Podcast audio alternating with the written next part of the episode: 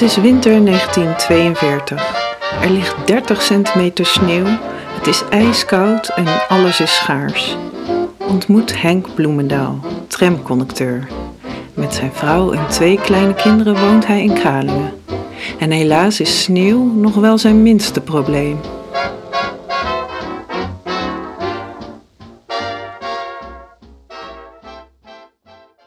Wat een ongeanimeerde oudejaarsavond. Om negen uur klaar. Geen oliebol, geen slaatje, geen borreltje. Niks geen oudejaarsavond, tractaties te verhapscharen. Co heeft toch nog pannenkoeken met snippers gefabriceerd en als ik uitgehongerd thuis kom, zijn ze in een ommezien verdwenen. Om elf uur kruipen we eronder. Nieuwjaarsdag ook al niet veel fraais. Een stevige poeier van 12 tot 9 en op straat een idiotenbende. Het is hartstikke druk en geen wagen op tijd. De laatste rit maak ik geen eens, zo ligt de boel door elkaar. Co is de 12,5-jarige bruiloft van Janna wezen vieren. Daar scheen nog wel wat te zijn. Ik kreeg s'avonds tenminste een fijn schaal koekjes en bonbons en een stuk worst. Ook het borreltje ontbrak niet, maar dat bewaar ik nog even. Ik zit te schrijven bij de elektrische kachel, want kolen hebben we niet veel meer en over een maand krijgen we pas nieuwe, dus uitkijken is de boodschap. Elektriciteit is ook wel op de bon, dat is zo de geëikte term voor alles wat gerantsoeneerd is, maar we hebben nog een klein beetje over. Tabak is nog vrij, dus kan je het ook niet kopen. Dat verdwijnt in de zwarte handel. Alleen heel dure check van 1 gulden en 4 cent per ons en sigaretten van 1 gulden de 20 komen nog wel eens in de winkels, die bijna doorlopend gesloten zijn. De enkele maal dat er iets tegen normale prijs wordt verkocht, moet men uren in de rij staan. De normale prijs van heden is altijd nog 300% hoger dan in 1939. Ik rol maar een piraat van slechte rooktabak dat is wel niet lekker, maar het rookt. Tony is een beetje verkouden. Karel is gezond en ligt in bed te kletsen. Papa, Eddie enzovoort. Ton had vanochtend nog een ongelukje. Ze stak een stok in haar oog, maar het liep nogal los. Alleen een blauw ooglid. Het is elf uur en we gaan maar naar bed. Lamp uit, kachel uit, dat is goedkoop. Want al heb ik 5% loonsverhoging gehad, ik kom nog niet hoger dan 28,50 gulden per week. 2 januari. Tony is heel erg verkouden. We houden haar maar veel in bed, al gaat dat niet gemakkelijk, want ze is niet ziek genoeg om rustig te blijven. Vanavond hadden we een reuze buitenkansje. We kregen ieder een gebakken scholletje van de buurvrouw. Een kostbare liefhebberij, want ze kosten wel 1,25 per kilo. En eer ze gebakken zijn, 50 cent per stuk. In de winkel betaalt men 1 gulden per stuk. En toch klaagt niemand harder dan de middenstand, terwijl het geld daar binnenstroomt. Ze voeteren en schelden op prijsbeheersing en overvragen dan schandelijk, omdat de kans dat ze gegrepen worden maar heel klein is. De mensen zijn blij dat ze nog iets kunnen kopen en zeggen maar niet als er te veel wordt gevraagd. Volgens officiële berichten zouden de prijzen slechts weinig gestegen zijn, maar wat te denken van de volgende voorbeelden. Tabaksartikelen 200 tot 500 procent duurder. Groente 100 procent, brood 20 procent en de kwaliteit is veel minder. Uitsluitend water en brood van onbekende samenstelling. Aardappels 50%. 5 januari. Lekker vrij. Tony begint al groot te worden. Ze doet boodschappen op de hoek van de Oude Dijk bij Schippers, de kruidenier. Want we wonen in de Jeruzalemstraat 52b. Ze neemt geen eens een briefje mee. Je moet haar zien stappen met haar mandje. Ze kennen haar daar al als ze een pot stroop of een pakje zeel komt halen. Smiddags naar moeder geweest. Die woont op de Korte Kade 78 met Beb en Koos en Codemoeder op één trap. Om zes uur ben ik met Ton naar de Cineac geweest. Ze had nog nooit een film gezien, maar ze begreep direct waar het om ging. Er werd een film gedraaid van Dick Trom, een reuzenlor, maar voor kinderen wel aardig. En Ton speelde braag mee. Als er gevallen werd, lag ze met haar benen omhoog tussen de bankjes en ze voerde het hoogste woord. Toen ik buiten kwam, was het zo donker dat ik moest zoeken waar ik was. Het valt niet mee met de verduistering en zonder maan, maar ik ben het toch wel wat gewoon. 6 januari. Vandaag de was van gisteren voortgezet. Ton zou door Ali gehaald worden om een ritje met de trein te maken naar Voorburg. De familie De Goederen heeft namelijk een abonnement, omdat ze iedere nacht in Voorburg slapen al vanaf oktober af. Die hebben hun buik vol van de nachtelijke bombardementen boven Rotterdam. Ze verkiezen het ongerief van heen en weer gereis boven de onrust die zo'n bommenregen veroorzaakt. Ali was ziek en nu heeft Janna Ton meegenomen en die vindt het wat fijn. Co en ik hebben van de rust gebruik gemaakt en de kinderwagen goed schoongemaakt. Ik ontving 10 gulden overwerk voor een extra vrije zondag. Die vielen op een gloeiende plaat, maar toch blijf ik liever vrij. De inzameling van wol en bont in Duitsland is schitterend geslaagd. Miljoenen bontjassen ingeleverd. Maar de Duitse vrouwen in Rotterdam die voor de Weermacht werken, zitten nog met dikke bontjassen in de tram.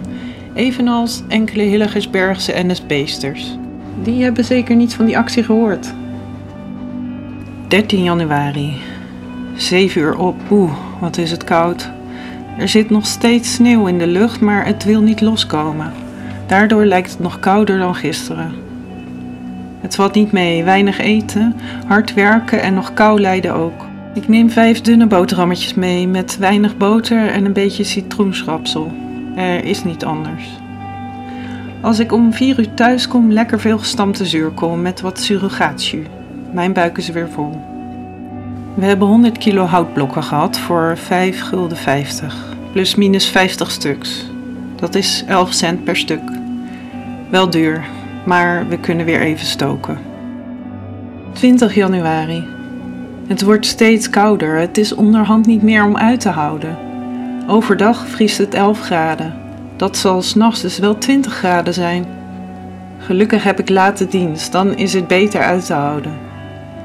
Ik weet niet meer wat ik aan moet trekken om op temperatuur te blijven. Vanmorgen even zeepbonnen gehaald voor de kinderen in de Gouvernestraat. Gelukkig gauw geholpen. Alle wagens waren propvol.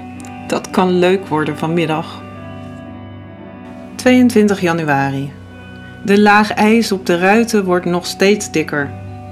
Vanmorgen was de keukenkraan bevroren, maar ik kon hem nog ontdooien. In de keuken is niets meer vloeibaar. Alles is bevroren. De theepot, de melk, de vaatdoeken, alles is ijs. Zelfs op de wc vriest het. Vandaag wordt de Elfstedentocht verreden en ik rij een tussendienst van 1 tot 8. Er wordt niets gedaan om ons werk te verlichten. Wel worden averechtse maatregelen genomen om het tekort aan personeel op te heffen, zoals overwerk en het inhouden van vrije dagen, waardoor het aantal zieken steeds stijgt. Waarom worden de diensten niet gewijzigd? S'avonds na 7 uur is er geen sterveling meer op straat en rijden een groot aantal wagens onbezet. Het is wel niet zo eenvoudig, maar het lijkt mij verre te verkiezen boven het binnenhouden van dienstwagens en het uitputten van het personeel. 23 januari. Toch vrij vandaag. Gelukkig maar, want ik was doodop. Lichamelijk ging het nog wel, maar geestelijk was ik volkomen uitgeput.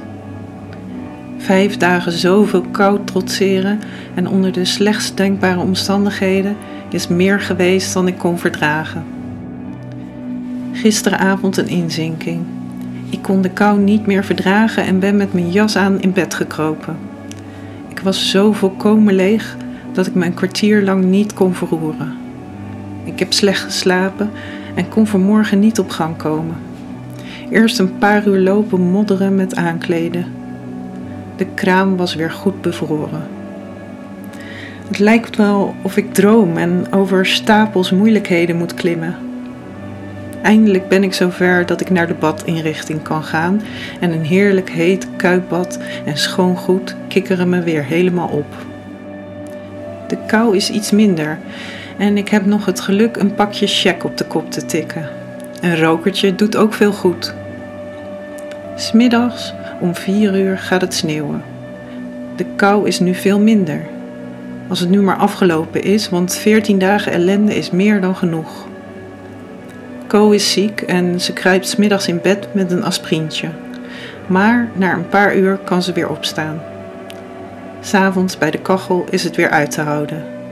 En mijn vrijdag heeft me weer opgeknapt. 26 januari.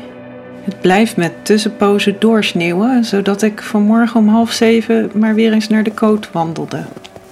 Het dooit, dus een zorg minder, al klauw ik af en toe tot mijn knieën door de sneeuw.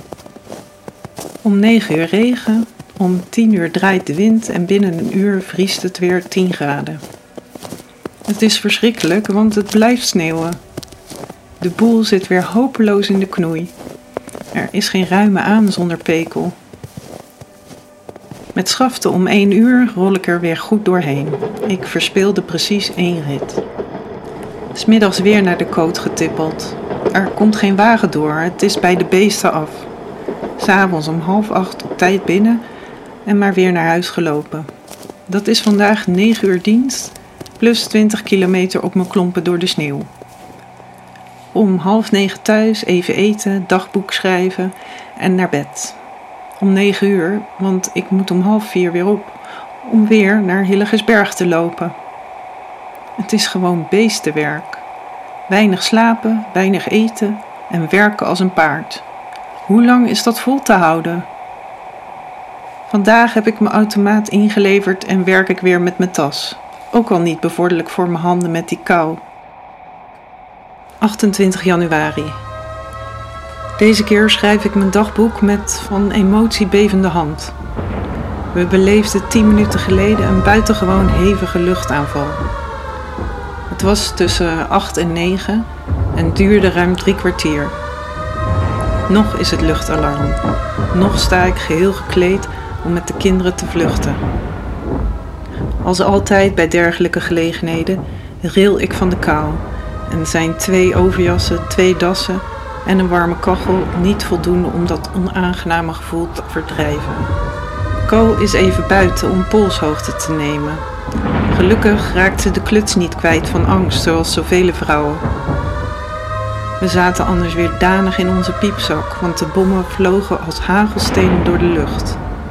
Eerst een oorverdovend gegil en gefluit, dan de inslag dreunend en krakend, de ruiten rinkelen.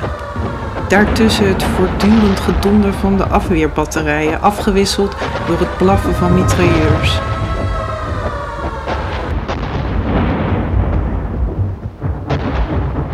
Als het even stil is, hoor je het gezoem van de hoogvliegende machines. Dan plotseling neemt zo'n kreng een duik en gooit de lading uit. Het lijkt het aanrollen van de donder. Weer gefluit, geblaf, gedonder en geknetter. Het lijkt of alles op je dak ploft en toch zitten ze 10 kilometer verder.